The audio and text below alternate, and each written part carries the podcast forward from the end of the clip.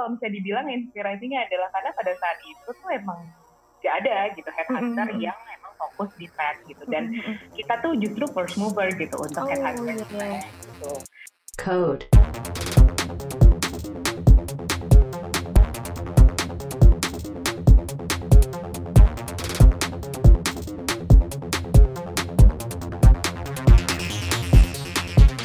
What's up Digicode? We will be sharing real interesting stories, insightful experiences, and new knowledge from outstanding Digitech speakers. This podcast brought to you by Girls Code every week. Now let's jump into your weekly dose of inspiring talk. Hai teman-teman Digicode. Di episode kali ini kita kedatangan perempuan yang hebat banget uh, yang udah pasti untuk anak-anak fresh graduate atau job seeker nih yang mau berkecimpung di dunia IT pasti bakal akrab banget nih dengan uh, company-nya speaker kita yang satu ini. Nah, kalau kita sebutin company pasti kalian udah pada kenal lah ya, udah pasti familiar deh buat anak-anak yang mau berkecimpung di dunia IT. Oke, kita langsung panggil aja nih. Please welcome Kak Yunita Graini. Halo teman-teman Girl Scout. Hai. Nah, Kak Yunita Anggraini ini adalah co-founder dari Jig Hunter. Nah, gimana nih Kak? Apa kabar Kak sekarang hari ini? Alhamdulillah baik ya. Gimana kabarnya Karina? Alhamdulillah baik juga Kak.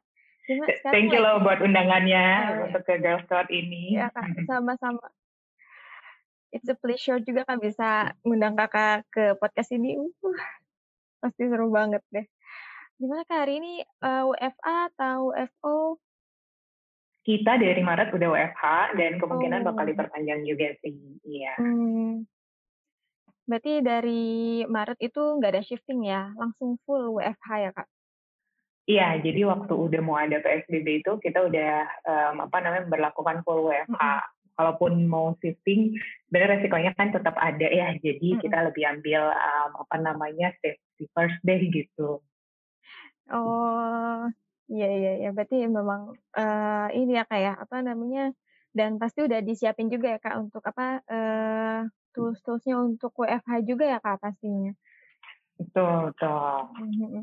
Nah kak uh, mungkin nih ada teman-teman di Jikot juga nih yang uh, apa namanya, masih bingung Kakak tuh siapa gitu kan, background-nya tuh gimana, ya kan udah aku ceritain tadi pasti yang hebat-hebat tuh pasti, uh, kayaknya lebih terasa kok Kakak sendiri yang, uh, jelasin deh. Coba Kak tolong, uh, perkenalkan diri Kak, biar teman-teman di Cikot bisa lebih kenal lagi.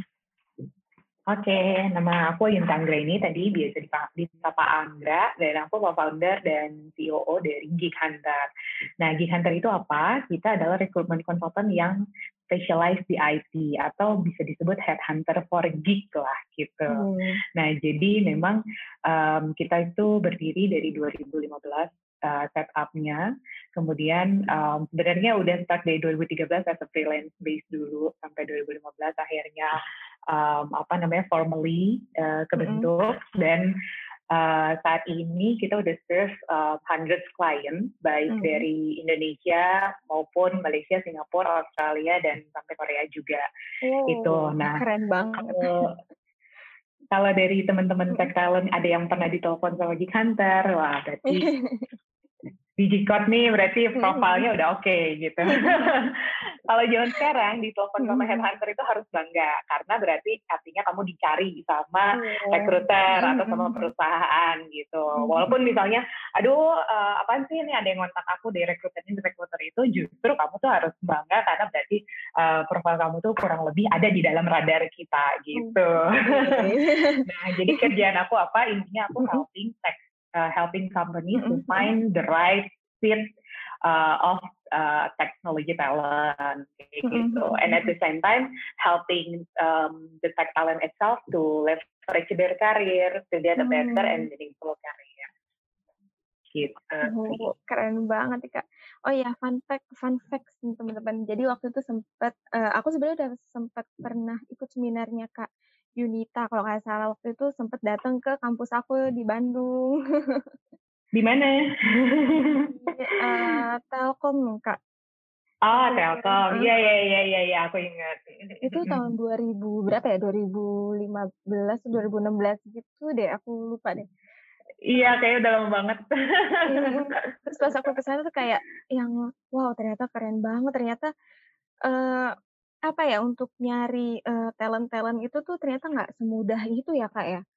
Mm-hmm. Betul, betul. Makanya kenapa akhirnya um, big big companies atau startup, mm-hmm. apalagi yang startup ya yang baru um, merintis gitu mm-hmm. ya, mereka biasanya akan kewalahan untuk menemukan right fit talent tadi uh, mm-hmm. dengan cepat ya, karena kebutuhannya kan uh, mereka uh, di dituntut untuk bisa growing as fast as possible kan gitu. Dan dari uh, skala misalnya 10 ke 100 itu kan uh, hiring itu tuh akan menjadi salah salah satu uh, apa ya uh, a crucial move gitu buat mereka sehingga akhirnya mereka butuh bantuan dari uh, recruitment consultant terutama kalau kita karena fokusnya di tech itu jadi mereka banyak banget um, apa namanya pasti bakal butuh bantuan dari headhunter yang emang khusus ke tech kayak gitu sih gitu. Oh keren banget sih kak. Uh, nah itu kan Chick Hunter kan udah uh, banyak pasti udah berapa sih Kak sekarang applicants yang ada di uh, Jig Hunter tuh? Oke, okay, jadi dari seluruh talent uh, selama ini, jadi kita tuh nggak uh, sembarang masukin ke database. Jadi kita hmm. mengkurasi atau memfilter lah. Uh, biasanya yang masuk ke database kita memang yang mostly adalah sudah punya experience tulis satu sampai segitu. Nah, 2000 uh, tech talent profesional yang sudah wow. kita kurasi dari tahun ke tahun ya, gitu. Wow, berarti udah udah ini bang well known banget lah ya di antara job seeker job seeker apalagi di bidang IT gitu kan. Iya, biasanya hmm. memang semakin senior semakin sering dihubungin karena emang oh. yang paling susah biasanya cari adalah yang senior ya. Hmm. Mid to senior itu lumayan gitu ya, lumayan banyak permintaannya. Hmm. Kalau fresh graduate mungkin uh, pada dasarnya kan karena mereka baru lulus ya hmm. gitu ya. Jadi mereka hmm. akan apply kan ya nggak sih? Karena namanya baru lulus kan pasti biasanya akan apply iya, langsung. Yeah. Nah, yang biasanya nggak apply langsung itu ya para para senior senior hmm. ini gitu. Biasanya mereka udah sibuk lah sama kerjaannya masing-masing kayak hmm. gitu. Nah, kak itu kan dengan uh, Jig Hunter ini udah dikenal oleh startup, oleh company, apalagi sama uh, apa namanya job-job seeker, apalagi sama fresh graduate hmm. kayak waktu aku waktu itu juga sempet gitu kan.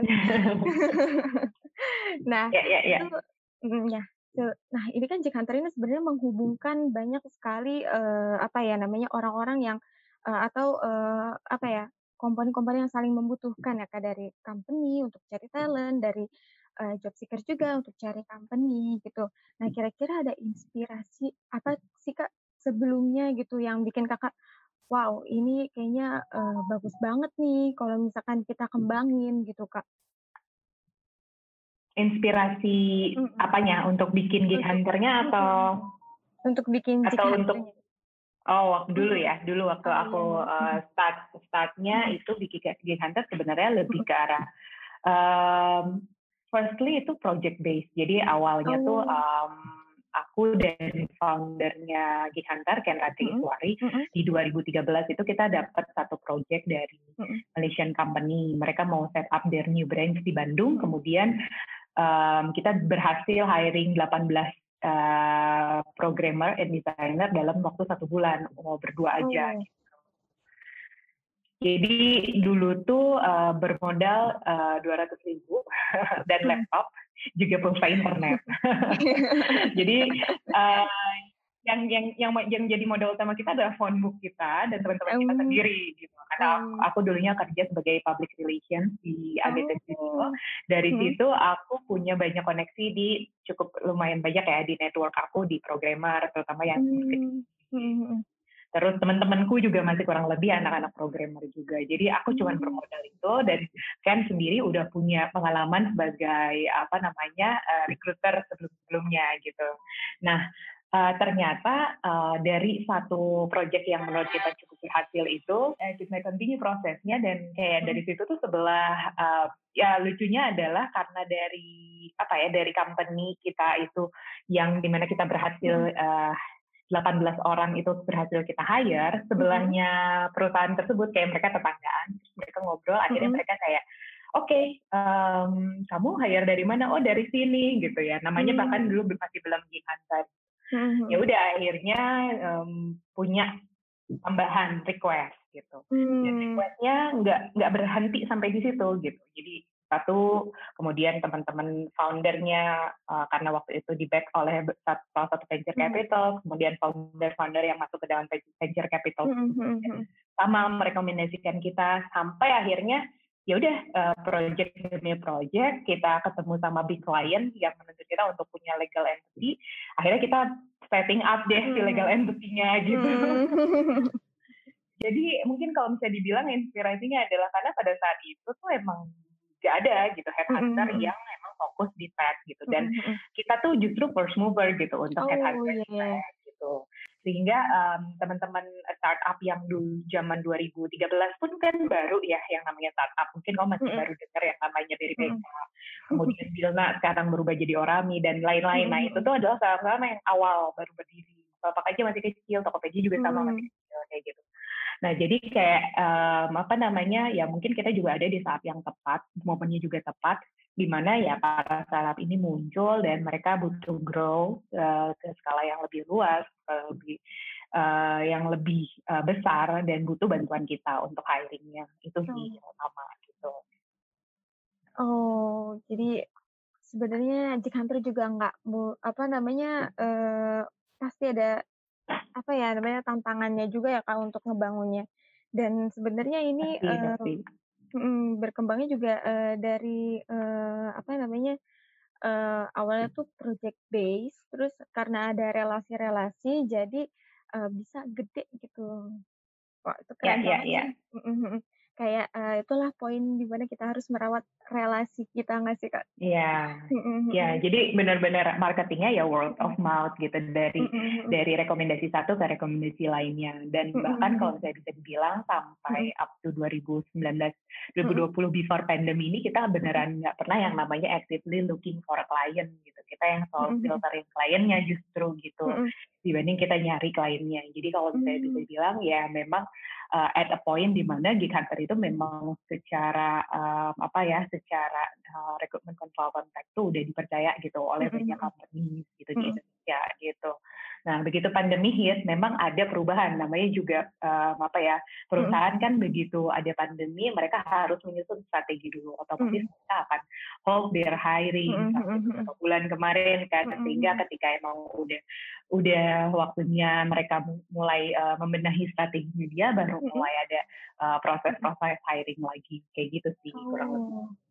Nah, itu tadi kakak udah jelasin ya tentang uh, Jig Hunter itu gimana waktu uh, apa namanya awal-awal berkembangnya, terus uh, ternyata mereka juga dari uh, apa namanya dari mulut ke mulut, terus dari relasi, terus uh, nah itu kan sampai jadi terus sampai jadi gede banget gitu kan. Nah, hmm. uh, ada nggak sih kak tantangan-tantangan yang waktu itu uh, kakak harus lalui dengan uh, apa uh, dengan kak Ken waktu itu gitu kan? Waktu mengembangkan Cik Hunter ini gitu? Oke, tantangannya pasti banyak ya. Dari um, dari awal kan kita juga sebenarnya uh, 2000 2013 ke 2015 aja itu kita beneran hiring juga sama buat internal kita aja malah susah gitu kan karena dulu gig hunter siapa sih gitu nggak ada yang gig hunter ya, akhirnya kita hiring based on um, kayak misalnya kandidat yang kita approach buat klien kita ternyata nggak mm-hmm. cocok terus kita proses mm-hmm. buat kita kayak gitu mm-hmm. terus ada juga yang akhirnya dari situ berkembang ke saudaranya sepupunya dan lain-lain oh, gitu ya jadi oh, iya. based on based on family kayak gitu sampai ada sepupu-sepupuan gitu ya kerja gitu. Sepupuan terus sampai akhirnya kita bu sampai akhirnya kita buka kan di job street. Nah kalau misalnya kayak di um, apa ya namanya tuh dulu uh, offline lah offline apa namanya job fair gitu ya. Ternyata yang yang offline tetap aja ternyata banyak gitu ya pada saat itu. Kayak udah mulai ada 300 sampai 500 kandidat gitu yang apply. Balik lagi gitu, tantangan kita sendiri adalah nemuin right fit person as recruiternya sendiri. Kenapa? Karena kan kerjaan recruiter itu tuh sebenarnya bukan kerjaan yang pada dasarnya mungkin uh, diketahui umum ya oleh masyarakat. Mungkin untuk anak-anak psikologi mereka tahu gitu ya, oh iya sebagai recruiter gitu. Tapi di satu sisi ya challenge sebagai recruiter sendiri, terutama di rekrutmen konsultan itu lebih gitu daripada recruiter pada umumnya gitu. Mm-hmm. Kenapa ya? Karena kita harus harus equip well equipped with all mm-hmm. the technical tools mm-hmm. gitu. Apalagi kalau kita di tech juga kita harus cukup uh, understand the programming language mm-hmm. itself and then framework tools mm-hmm. and etc gitu kayak kita mm-hmm. juga harus at least uh, tahu surface-nya lah in terms mm-hmm. of tech sendiri itu kayak gimana kayak gitu mm-hmm. belum lagi kayak tadi gitu dari part mulai communication-nya nggak cuma kayak kita ngobrol tapi kayak kita gimana cara kita bisa mm-hmm. um, apa namanya engage dengan kandidat mm-hmm. gimana mm-hmm. caranya kita bisa um, influence mereka, bisa jadi konsultannya mereka dalam hmm. hal karirnya mereka. Hmm. Nah, hal itu kan kayak um, apa namanya nggak semudah itulah istilahnya dilakukan. Terlihatnya mungkin mudah, tapi kalau hmm. begitu udah terjun ke lapangan, aduh gitu. iya iya iya benar-benar. Jadi itu tantangan utamanya menemukan mm. the right fit person mm-hmm. itu. Kemudian yang berikutnya lagi adalah ketika uh, timnya udah growing bigger. Nah mm. karena ketika tim growing bigger, at the same time kan kita juga kayak masih uh, using lot of hats ya gitu. Jadi uh, mungkin aku uh, bolehlah aku role-nya di awal uh, langsung jadi COO, tapi pada dasarnya aku adalah uh, team lead juga, kemudian aku hmm. juga adalah recruiter, gitu, gitu. Jadi kayak juga banyak. Hmm, hmm, hmm, kemudian gimana cara kita nggak bagi waktu part yang itu, di mana aku masih jadi recruiter, di at the same time juga aku lead masih small team, kemudian hmm. timnya dia team bigger, aku harus transisi dari yang tadinya aku kontributor juga as a recruiter, kemudian aku trans transition into lead, kemudian lead mungkin yang masih uh, small team, kemudian into hmm. bigger team, misalnya saya 5, 10, terus 15 gitu kan. Hmm. Kemudian uh, masuk lagi ke tantangan berikutnya, ada part legalnya, ada part bisnisnya, and then masuk lagi ke tantangan berikutnya, ada part finance-nya, gimana cara kita menganalisa bisnisnya, gimana cara kita bisa uh, mengatur strategi dalam berbisnisnya itu sendiri, hmm. dan terutama buat uh, apa ya, terutama ya challenge-challenge tadi tetap masih ada gitu dan dan hmm. juga hmm. tetap bisa running operational di kantor gitu dengan hmm. segala challenge-nya apalagi kan sekarang um, apa ya uh, talent juga makin uh, makin jual mahal gitu ya hmm. terlalu banyak yang respons dan lain-lain hmm. harus putar otak lagi gitu kan gimana hmm. dari mereka jadi uh, mungkin kurang lebih itulah tantangan-tantangan yang ada selama hmm. ini gitu ya pengembangan hmm startup sendiri namanya Geek Hunter pun juga pasti mengalami um, apa namanya challenge-challenge tadi lah gitu.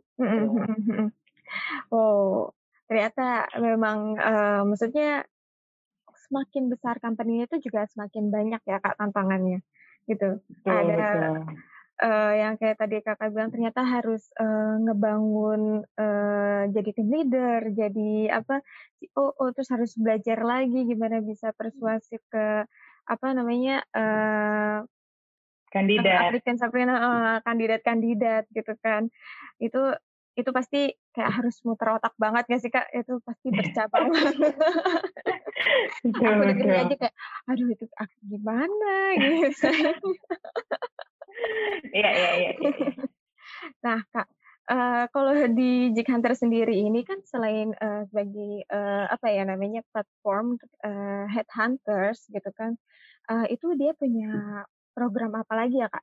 Program-program menarik apa lagi okay. gitu yang bisa kita explore di Jig Hunter?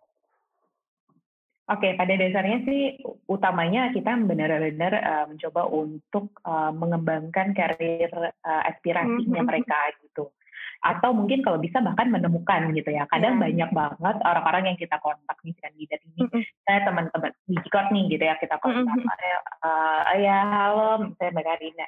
Karina, Karina um, sekarang misalnya kerjanya sebagai apa? Mm -hmm. Terus uh, sebagai ini. Saya sebagai QA engineer. Oke, okay, ke depannya mm -hmm. emang um, apa namanya misalnya dalam tiga atau lima tahun lagi aspirasinya mm -hmm. sebagai apa? Terus kayak masih kayak bingung gitu ya. Atau yang kayak masih nggak tahu gitu. Oke, okay, kalau QA sendiri emang um, pada dasarnya uh, career goal-nya tuh mau kerjanya di company yang seperti apa sih mm-hmm. atau di scope of work yang kayak gimana sih yang menurut mm-hmm. Karina challenging misalnya mm-hmm.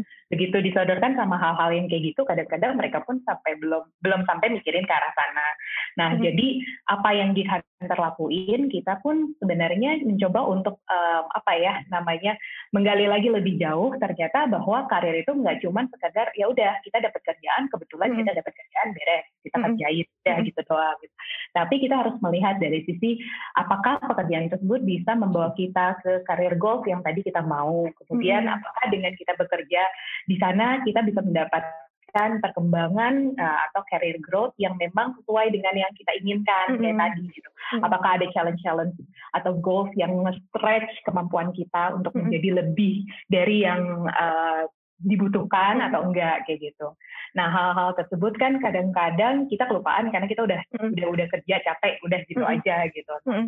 Nah biasanya kita yang akan ingetin lagi bahwa um, contoh nih dari QA aja kayak misalnya mm -hmm tools yang udah dipakai apa katalon hmm. let's say gitu padahal kan kalau misalnya dia bisa apa namanya sedikit belajar di part codingnya kemudian dia bisa pakai tools yang lain seperti Selenium yang pada akhirnya banyak banget anak-anak QA di luar sana yang edit value-nya tuh uh, terlebih lagi akan jauh lebih tinggi ketika mereka punya background software engineer hmm. atau bisa bisa ngoding juga sedikit hmm. gitu sehingga nanti namanya kan udah bukan uh, eh, QA lagi tapi software development in test atau hmm.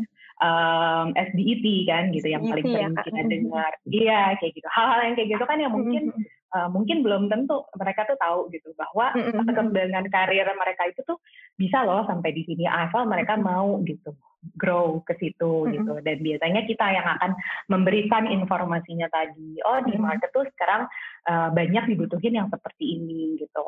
Um, apakah mereka willing untuk ke sana untuk improving themselves sehingga mereka bisa beneran um, adjusting their skill gitu dengan kebutuhan yang emang sesuai dengan market gitu sih. Oh berarti sebenarnya itu keren banget sih Kak. Maksudnya jadi menyadarkan anak-anak seperti saya ini yang apa namanya skillnya masih ya average aja lah atau bahkan di bawah average ini bisa tahu gitu sebenarnya apa sih yang diharapkan oleh uh, startup atau company gitu ya kak betul betul betul saya keren banget sih biasanya itu. menyadarkan dan uh, apa namanya menampar mereka dengan eh, iya. itu benar-benar emang harus ditampar dengan kenyataan dulu sih baru kayak yeah. oh ternyata skill aku belum ada apa-apanya gitu. Iya iya iya iya iya. Nah, uh, itu kan memang itu apa ya? Susahnya apa ya? Uh, tantangan lah ya, tantangan uh, sebagai ya uh, entry level atau bahkan fresh graduate yang skillnya tuh masih uh, mereka biasa baru nyoba-nyoba gitu atau uh, apa namanya uh, baru oh kalau ditanya bisa uh, katalon nggak gitu oh bisa tapi uh, baru lihat-lihat aja gitu kan misalnya mm -hmm. belum ada project yang sebenarnya gitu kan kak. Nah itu kan juga uh, jadi pertimbangan juga ya kak ternyata untuk uh, headhunters ataupun company yang akan uh, meng-hire kita gitu. Kira kualifikasi atau skill apa aja sih kak uh, yang dibutuhkan gitu biar kita nih sebagai fresh graduate, job seekers, apalagi sekarang tambah banyak kan saingan job seekersnya semenjak pandemi ini bisa dilirik oleh uh, Jig Hunter gitu atau headhunter headhunter yang uh, apa sorry headhunter maupun company uh, yang lainnya gitu. Oke, okay. Jadi yang pertama, um, kalau kalian udah tahu mau ambilnya ke arah mana, misalnya kan software engineer itu luas ya, baik dari back end, front end, mobile, kemudian masuk lagi tadi QA gitu ya. Sehingga kalian harus nentuin dulu gitu, mana nih yang kalian mau um, apa namanya benar-benar uh, explore atau benar-benar fokuskan hmm. spesialisasinya mau ambil mana? Mungkin kalau dokter kan ada ya mau jantung misalnya yeah. atau mau dokter kulit gitu kan ya gitu. Dan lain-lain. Kita juga pilih gitu spesialisasinya kita itu mau ke mana terutama as a software engineer. Nah kalau misalnya bisa kamu juga bisa ngelihat tren. Kayak misalnya gini um, kelihatan nggak sih paling banyak uh, orang-orang tuh ada nyarinya apa, kemudian uh, programming language yang dicarinya apa, framework yang dicarinya apa.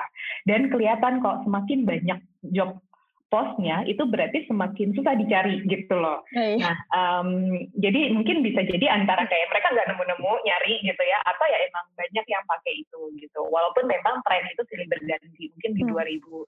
2000 2000 berapa ya 2015-an itu masih trennya Ruby gitu. Sekarang mulai trennya Go gitu kan. Mm -hmm. Jadi uh, kemarin Node.js gitu kan. Jadi um, apa namanya as a back end pun kalian juga harus melihat nih secara keseluruhan tren-trennya seperti apa terus kalian pilih yang udah pasti nggak akan nggak akan habis sih ya pasti iOS dan Android ya hmm. secara secara yeah, itu adalah apa ya udah itu nggak ada substitute-nya gitu ya. Ada yang baru lagi gitu ya. Nah hmm. itu mungkin. Nah sisanya sih paling ya tadi uh, back end itu yang sekarang lagi uh, tren itu adalah Go. Kemudian Node.js juga masih masih sering dicari. Kemudian uh, sisanya sih lebih ke JavaScript framework ya. Kalau misalnya front end itu udah pasti React kemudian Angular itu uh, uh, React, Angular, Vue itu tiga hal yang memang udah pasti dicari untuk framework. Hmm. Nah, jadi dari situ kamu udah mulai nih mempersiapkan diri. Oke, okay, kalau gitu aku harus pelajarin, aku hmm. pilih, kemudian aku pelajarin, dan uh, cari tahu komunitasnya, engage dengan hmm. siapa sih sebenarnya orang yang jago di situ, minta insight dari dia juga gitu ya. Hmm. Kemudian baca-baca um, any anything related to the programming language tersebut sampai akhirnya kamu bisa uh, prepare yourself with the kind of the right portfolio lah gitu. Kira-kira hmm. menurut kamu, um, oke okay, kalau aku udah belajar tapi aku nggak mengaplikasikannya itu sama aja kayak aku belum tahu nih apakah pemahaman hmm. kamu itu beneran bisa uh, terbukti apa enggak. Hmm. Portfolio kamu itu sebagai bukti sebenarnya. Apakah kamu sudah uh, bisa untuk mengaplikasikan pemahaman tadi kayak gitu. Hmm.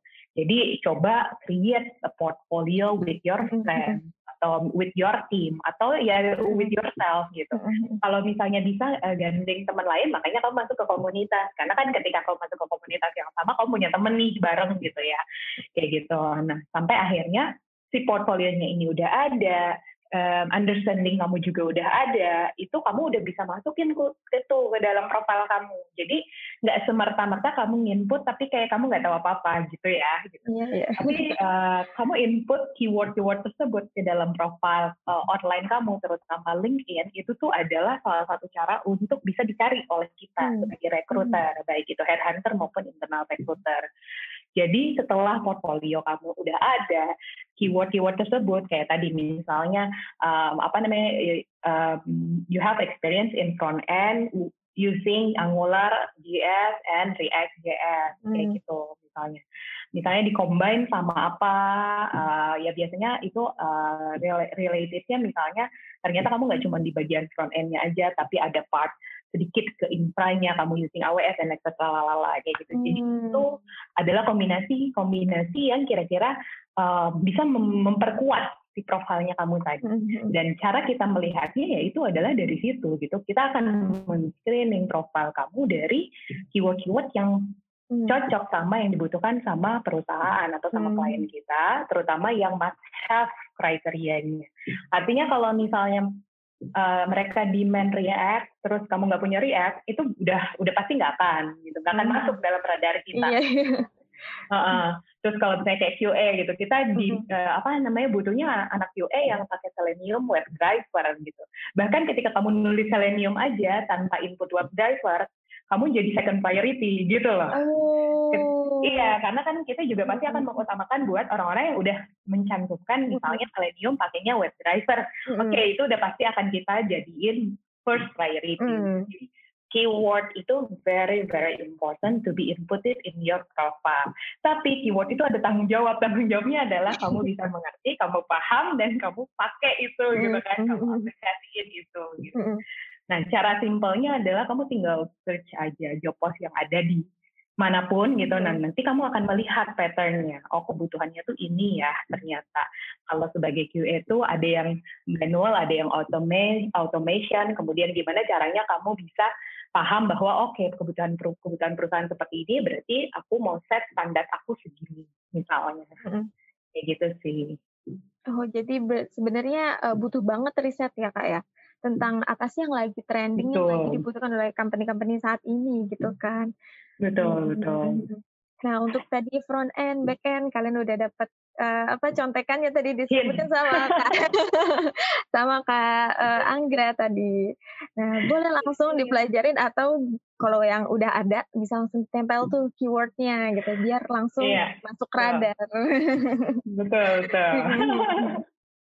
Nah, itu sih maksudnya itu menarik banget sih Kak kalau misalkan ngomongin kayak gitu nggak bakal ada habisnya ya Kak karena tren kan juga terus berjalan gitu. Dan uh, sekarang oh kita lagi implementasi ini ternyata uh, bulan depan tuh ada uh, bahasa yang lebih uh, apa ya lebih seru lagi lebih uh, bisa di lebih mudah lebih baru diimplementasikan lagi. Mm, mm, kayak betul gitu. betul. Nah gitu kak uh, dan kalau ngomongin dunia IT ini sebenarnya kan akrabnya tuh sama kayak uh, kebanyakan ya masih didominasi oleh pria nggak sih kak kalau sekarang tuh nah uh, Kira-kira uh, ada nggak sih Kak tantangan tersendiri nih untuk cari uh, misalkan tech talent yang woman gitu Kak? Oke, okay. Pastinya ada dan besar ya tantangan tersebut. Karena selama tujuh tahun kita aja gitu di Hunter gitu ya, mungkin kalau bisa dibilang um, orang-orang yang berhasil kita benar-benar temukan gitu ya tech women ini mungkin kayak nggak nggak lebih dari 10 persennya lah gitu selama ini. Oh my God. Dan kalau kita lihat hmm, ujungnya apa sih gitu ya? Mungkin yang pertama kita harus cek dulu gitu. Waktu SMA ya kan zaman kita SMA kita aja tuh milih kuliah apa ya milih mau kuliah di mana aja tuh mungkin secara penyuluhannya tuh uh, menurut aku kurang gitu ya. Karena kayak ya uh, we have no idea what kind of role yeah, yang betul, akan beneran jadi ya kayak role yang kalau kita kuliah di situ kita role-nya bakal jadi kayak gini loh gitu ya. Iya. kayak banyak banget kan yang nyasar gitu kuliahnya. Ya udahlah sekedar biar dapat uh, bachelor degree dan lulus karena keterimanya di situ gitu kan. ya terus kenapa harus milih milih ke situ gitu kan. Ah, kayak gitu. Nah, hmm. jadi uh, mungkin harus dibangun dulu interestnya dari masa dari masa SMA gitu. Karena uh, waktu mereka SMA itu adalah atau waktu yang penting untuk mereka benar-benar tahu gitu apa sih sebenarnya potensinya gitu menjadi tech women gitu di di Indonesia bahkan di dunia dan potensinya tuh sangat-sangat besar gitu ya kalau kita lihat klien-klien kita aja tuh bahkan mereka um, apa ya specifically request untuk mana dong tech women-nya gitu. Ya mm-hmm. karena emang yang kita cari kan yang qualified tadi gitu ya. Mm-hmm. Kebetulan emang nggak ketemu gitu yang women mm-hmm. gitu ya. Mm-hmm. Jadi uh, apa namanya dari part yang tadi misalnya katakanlah masuk ke kuliah, kita lihat perkuliahan aja mm-hmm. mungkin kayak contohnya ITB ya 2017 itu mm-hmm. um, satu angkatan at around 140 tuh di fakultas uh, apa mm-hmm. di informatikanya gitu ya. Itu tuh udah include sama man- manajemen informasi gitu. Mm-hmm. Terus kalau misalnya dihitung hitung lagi, emang berapa sih jumlah perempuannya ya mungkin sekitaran 20 sampai 30 persen gitu ya. wow. ya. Nah, mm -hmm. Um, untuk sekarang sih udah mulai meningkat sih katanya ya jumlahnya mm -hmm. ya dari misalnya 130 ke 200 ke 500 orang satu angkatan. Mm -hmm. Tapi mungkin tech women-nya juga um, tetap di bawah 50 persen gitu ya, at around 30 to 40 persen. Nah, terus pertanyaannya kan 30 40 persen itu kan tetap lumayan banyak ya, katakanlah dari 130 itu udah sekitaran 30-an orang, 40-an orang, atau 50 orang sendiri. Ke mana nih orangnya gitu kan pertanyaannya gitu. Ya. Begitu aku selidikin, ada yang lanjut S2, abis lanjut S2 juga mungkin ada yang emang akhirnya kerjanya jadi nggak di tech, tapi lebih ke um, part project manajemennya atau misalnya hmm. di part yang ya nggak terlalu eh, eh, ngoding-ngoding banget ya gitu. Kalau aku lihat rata-rata jadinya yang emang um, mereka pilih jalur role yang emang gak specifically ngoding gitu. Tanya apa ngoding capek gitu kayak gitu sih gitu. Jadi jadi ya udah gitu ya maksudnya kita ngelihatnya ada seleksi alam lah bahwa kita, dari talent pool yang kecil itu seleksi alamnya makin makin ada gitu di dunia uh, work workplace-nya gitu. Sehingga akhirnya kita juga nggak bisa maksain dong ya gitu. Gimana caranya mereka bisa um, apa namanya tumbuh gitu ya kesukaannya terhadap ini kan itu yang kayak masalah kita itu sih yang kalau aku lihat ya dari sepengalaman aku. Jadi rata-rata tuh karena apa uh, capek ngoding gitu. Kadang aku juga yeah. aku waktu itu juga nanya kan ke teman aku, kok apa hmm. uh, aku kan jurusannya uh, teknik informatika ya. Terus karena hmm. emang kita juga dari kuliah tuh ngoding mulu gitu. tiba-tiba ketemu uh, udah lulus ketemu terus uh, terus kerja di mana? Oh, gue jadi business developer oh gue jadi uh, misalkan bahkan ada yang masuk ke HR gitu Terus kayak Iya, uh, iya. Kenapa kalian nggak masuk ke ini aja bidang IT lagi? Aduh, aku udah capek ngoding. betul betul. That's exactly what happened. Aduh, ini emang lucu-lucu banget sih kalau ditanya, misalkan kenapa nggak masuk ke bidang IT lagi? Karena capek ngoding, karena ya mm -hmm. karena apa namanya uh, kadang ada juga sih kayak karena shifting gitu kan karena aduh yeah. aku nggak iya. bisa nih pulang malam gitu kayak gitu sih kan. Nah tapi ini kak uh, kalau itu kan dulu kayak uh, apa namanya jumlah uh, perempuan di bidang IT itu kan masih sedikit ya kak. Nah kalau sekarang kan tambah mm. growing bigger nih kak, nambah mm. banyak lagi yang ternyata uh, apa namanya tertarik gitu apalagi setelah ada film startup nggak sih kak sekarang hmm. kayak enam dosan gitu kan iya iya iya iya, iya. gitu itu sebenarnya uh, aku waktu itu baca di twitter sih kayak lucu-lucu banget orang-orang tuh jadi kayak antara semakin semangat dan semakin apa ya namanya uh, akhirnya aku tuh ada merasa akhirnya uh, ada juga yang tertarik untuk ngoding lagi gitu kak. Hmm Gitu sih. Nah, uh, kalau misalkan ini nih Kak, uh, sekarang dulu kan, uh, sekarang uh, sorry sorry, masih banyak nggak sih Kak, uh, sekarang dari partisipan-partisipan yang Digit Hunter ini, itu yang masih, uh, apa namanya, uh, apalagi yang spesial apa, sorry, yang perempuan gitu, yang, uh, apa namanya, uh, perkembangannya tuh sekarang uh, sorry sorry ini dikat aja ntar. Gak apa-apa. sorry sorry. Nah, uh, nah ini nih pertanyaan yang ini. Nah, kan tadi udah cerita ya kak tentang uh, perempuan yang sekarang tuh growing bigger lagi di bidang IT gitu kan. Nah, uh, kalau sekarang ini gimana kak perkembangannya? masih susah kan nyarinya atau uh, ternyata harus nyari dulu ke apa namanya memperluas radar untuk bisa menemukan woman talent yang ternyata tuh uh, bagus gitu kak. Oke, okay. um, sebenarnya sama aja sih yang terjadi ya. Kalau misalnya aku ngelihatnya sekarang mungkin ada gitu ya, udah mulai lebih banyak kayak gitu ya.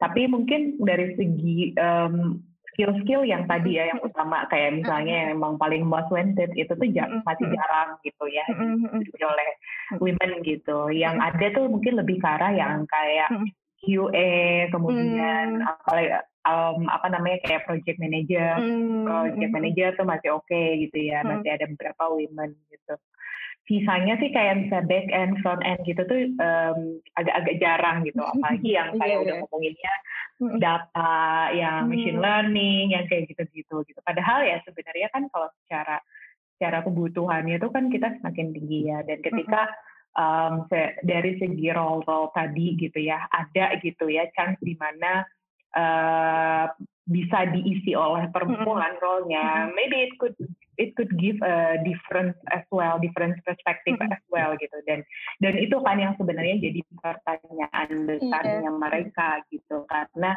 dari klien sendiri atau dari company-company sendiri ya emang bukan berarti dengan akhirnya gue um, nyari tech talent yang women terus dia akan menurunkan uh, si requirement-nya atau kriterianya juga gitu enggak kan gitu. nah kemudian cara tantangannya adalah beneran bisa uh, men mensejajarkan gitu ya um, skill kita yang kita punya tadi gitu dengan kebutuhan yang memang uh, sedang didimen oleh uh, perusahaan-perusahaan ini gitu kenapa ya karena pada dasarnya ketika mereka dihadapkan dengan dua, tiga, empat, lima pilihan, mereka kan pasti pilih yang terbaik dong. Gitu. Dan hmm. biasanya um, kita cukup fail di part yang itu gitu. Ketika kita emang bisa hmm. harus bisa bersaing dengan misalnya dengan tiga tahun experience hmm. gitu ya. Hmm. Um, let's say di software engineer atau di di front end hmm. di programming language yang sama gitu. Apa yang bisa membuat beda pasti ada dong gitu. Nah hmm. di part itu yang biasanya kita kalah berkompetisinya kayak gitu. Hmm. Jadi mungkin ada satu ya um, apa namanya hmm. uh, saran temen temenku Petra gitu yang hmm. aku selalu ingat sampai sekarang itu adalah um, oke okay, lu bisa punya lima tahun experience mm -hmm. tapi jangan sampai lima tahun experience tersebut adalah satu tahun yang diulang-ulang selama lima oh, kali kayak gitu. Iya. jadi inget tuh bahwa yang namanya years of experience tuh lu nggak bisa um, turn back time gitu ya. Yeah, yeah. Um, apa ya uh, di introspeksi lagi. Selama kalian berkarir selama satu tahun, dua, tiga mm -hmm. tahun ini, award nggak sih kalian uh, udah sejajar belum sih levelnya sama yang emang bener-bener tiga tahun yang lainnya? Jangan-jangan kamu stuck di tempat gitu, jangan-jangan kamu gerak jalan di tempat hmm. gitu kan, yang emang nggak berkembang. Kayak tadi gitu, sebisa hmm. mungkin selama berkarya itu kita benar-benar memperhatikan bahwa kita tuh bisa berkembang nggak sih dengan yang um, mengoptimalkan gitu uh, kesempatan kita untuk bisa leverage our own career gitu. Oh, oke. Berarti emang kita tuh harus, uh, punya standar sendiri ya, Kak, ya? Berarti kalau lima tahun ke depan itu, uh, apa, jangan sampai ngulang yang kayak tadi Kakak bilang gitu. Jadi selalu hmm, ada challenge-challenge baru gitu ya di mungkin betul, setiap tahunnya betul. atau di ketika kita mau next step gitu, mau naik ke next step. Betul. Cara mudahnya mungkin kayak kamu bisa cari aja misalnya pengalaman as senior front end, hmm. terus kamu compare sama yang hmm. kamu misalnya masih junior gitu ya. Hmm. Ketika uh, demand-nya senior front end dengan pengalaman at least lima tahun hmm. itu udah bisa A B C D E F G hmm. gitu. Nah artinya itu adalah set of technical requirement hmm. yang kamu perlu capai dalam waktu lim, apa lima tahun ini gitu. Kebayang nggak? Kira-kira yeah, yeah, yeah, ya kan yeah. gitu. Yeah, itu yeah. simpelnya gitu. Kamu bisa ngelihat requirement yang senior bahkan kalau kamu mau apa ya mau um, menargetkan diri kamu menjadi VP menjadi tech lead head of engineering kamu bisa lihat requirement as head of head of engineering itu kayak gimana, VP engineering itu kayak gimana. Biasanya udah bisa multi language, masih bisa hmm. tetap ngoding, udah bisa hmm. part infra juga dan lain-lain. Artinya hmm. kamu bisa aja ke sana during your time misalnya in your career mungkin 5 to 7 hmm. years gitu. Hmm. Tapi make sure bahwa hal-hal tadi emang kamu bisa pelajarin, bisa kamu implementasiin dan kamu punya kesempatannya during your um, apa namanya working experience hmm. selama itu gitu. Jangan sampai tadi kita ketika udah lima tahun terus kamu ngeliat lagi oh my god, aku belum bisa ini, aku belum bisa ini, aku kalah sama yang tiga tahun bahkan mm -hmm. dan lain-lain. Jadi kayak years of experience jadinya doesn't matter gitu, mm -hmm. IT terutama gitu, mm -hmm. karena yang akan benar-benar dilihat lagi adalah um, apakah selama itu dia punya pengalaman ini ini ini gitu? Kalau misalnya enggak ya pada akhirnya ya tadi oh itu cuma lima tahunnya lima tahun yang diulang-ulang kayak gitu sayangnya. Oh jadi emang kita harus terus belajar ya kak ya? Kita juga harus ngikutin tren terus kayak uh, membangun uh, perasaan encourage kita terhadap uh, knowledge knowledge yang baru gitu jadi nggak cuma kayak betul. udah IT nih, tapi juga kalau bisa kita misalkan uh, belajar tentang product management atau ke bisnis atau ke mana, mungkin gitu juga untuk uh, biar kita bisa uh, ternyata uh, skill yang kita miliki nih bisa diimplementasikan di banyak hal gitu juga nggak sih kak? Mungkin nggak terlalu harus nyebrang hmm. banget ya, tapi hmm. mempertajam mungkin yang aku bisa oh, uh, okay. sampaikan, mempertajam hmm. gitu. Kalau misalnya sekarang kamu front end tapi kamu nggak mempertajam skill kamu di part React-nya. Kemudian React aja kan kita bisa bilang ada React Flow, let's say, Apollo dan lain-lain. Kayak hal-hal yang kayak gitu aja misalnya ternyata kita masih belum megang gitu ya. Jadi technical requirement yang as in kayak ya ya kita front end ya kita harusnya bisa dong di part itu kayak gitu. Nah jadi coba fokus dulu sama your um, apa namanya your role gitu, your technical role gitu. Dari situ kamu bisa lihat gitu ya, oke lima tahun ke depan anak-anak senior front end tuh biasanya bisa apa aja sih gitu. Mm-hmm. Nah, ambil yang masih related.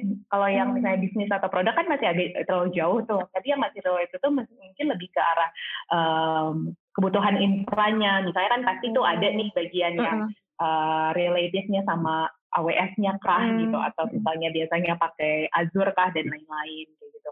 Terus um, misalnya di bagian database-nya gitu kan ya atau di bagian hal-hal lain yang kira-kira masih relate gitu sama pekerjaannya kamu yang bisa memberikan edit value terhadap role kamu tersebut kayak gitu loh gitu. Oh, karena kan iya, iya. pasti ya kalau namanya requirement ada yang must have terus ada yang plus if you have experience ini additional oh, yeah, ya, apa ya yeah, it will be great if you have experience ini nah mm-hmm. ketika kamu cuma punya must have-nya tapi nggak punya yang additionalnya ya kamu nggak akan dijadiin main priority yang dicari oleh si perusahaan tersebut mm-hmm. tapi kalau kamu udah bisa uh, apa must have-nya juga oke okay, udah expert gitu ya. Mm-hmm. Kemudian di bagian additional yang tadi yang mm-hmm. um, it is good if you have bla bla bla bla bla. Nah itu juga mm-hmm. kamu at least ada lah beberapa yang checklist mm-hmm. Gitu. Mm-hmm. Itu peluang kamu untuk bisa growing into mm-hmm. next career-nya itu akan lebih tinggi gitu mm-hmm.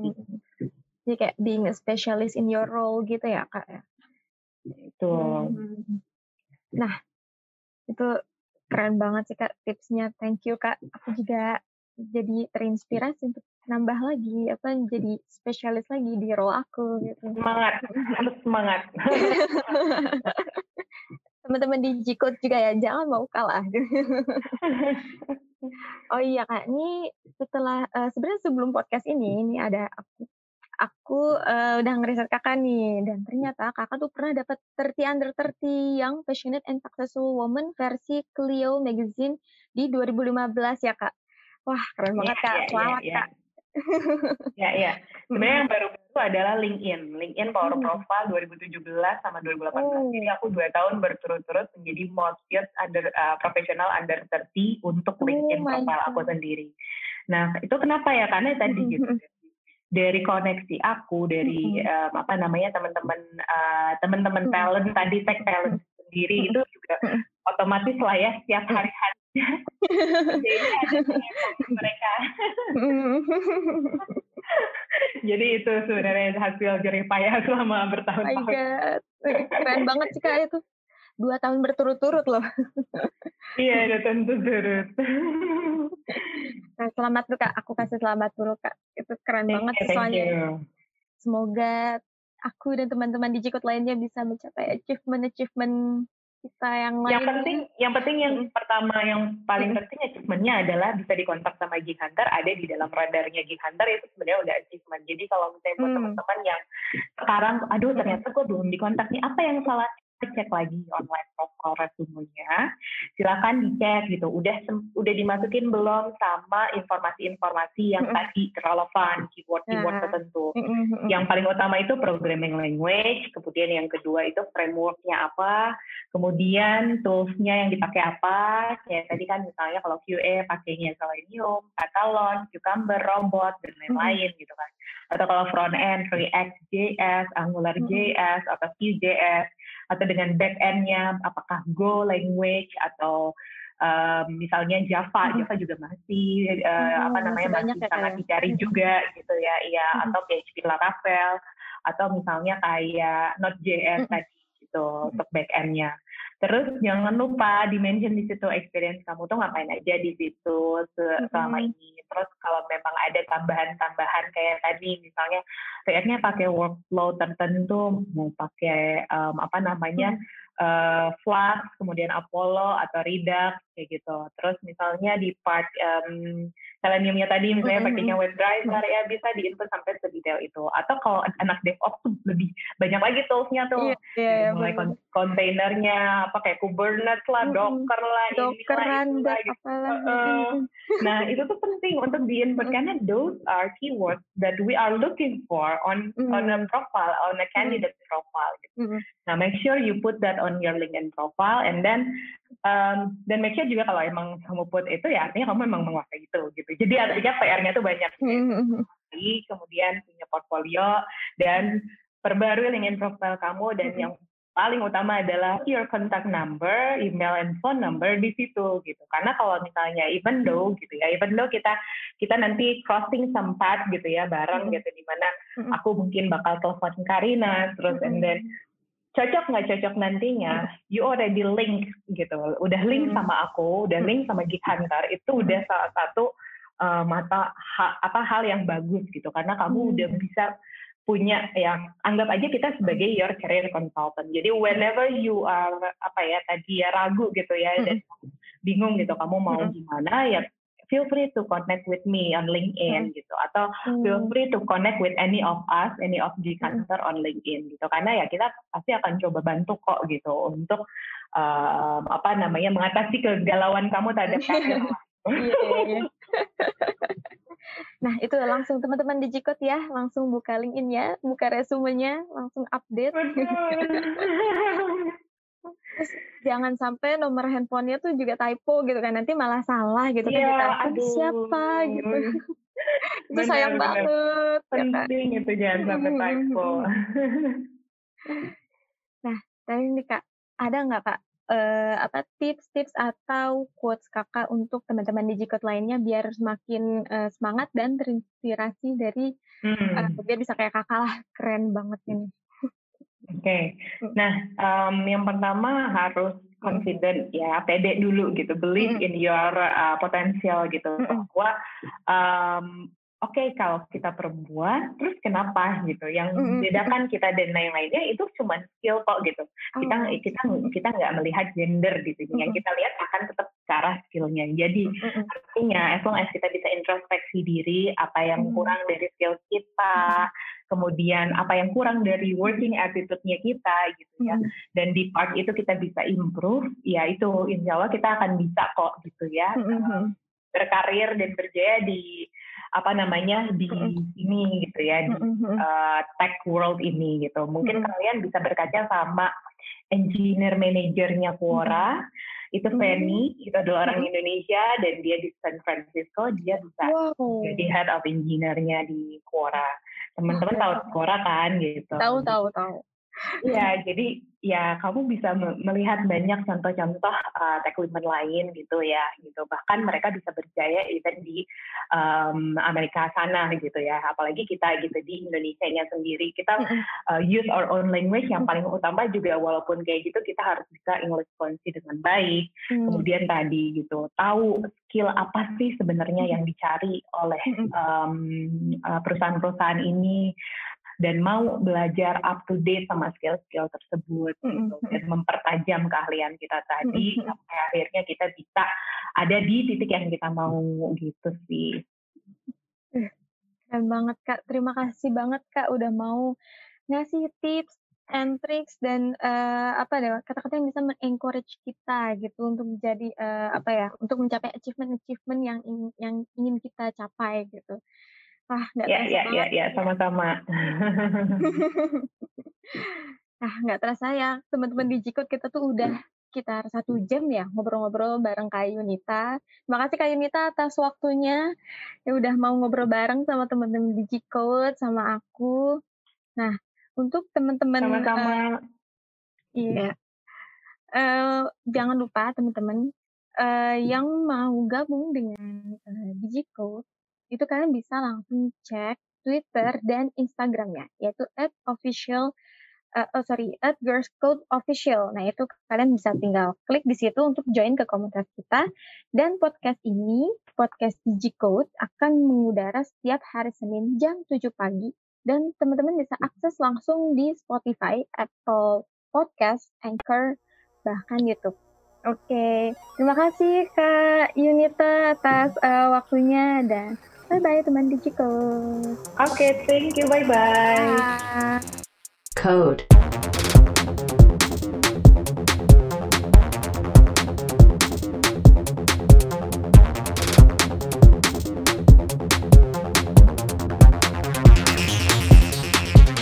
What's up Digicode?